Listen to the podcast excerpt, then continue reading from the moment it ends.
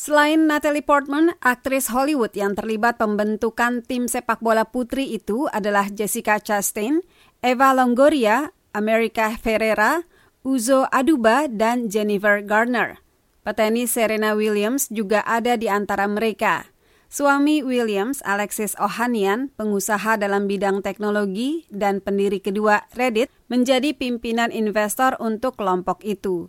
Kelompok yang dibentuk oleh mayoritas perempuan dan dipimpin Portman ini telah mendapatkan hak eksklusif untuk membawa tim sepak bola putri profesional ke Los Angeles dan memulai pertandingan pada musim semi 2022, kata National Women's Soccer League NWSL, Liga Sepak Bola Putri Nasional.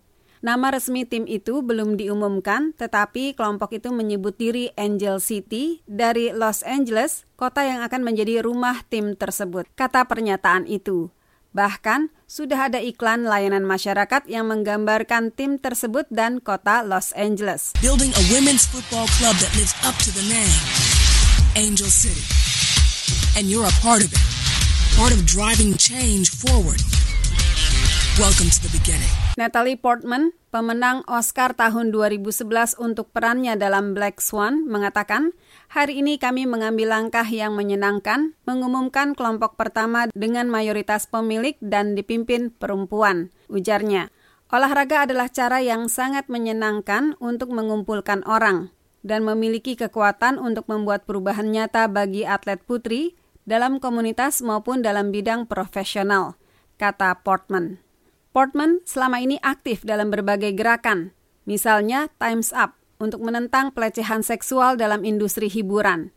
Ia mengatakan kelompok yang dipimpinnya berharap membuat dampak yang substantif pada komunitas.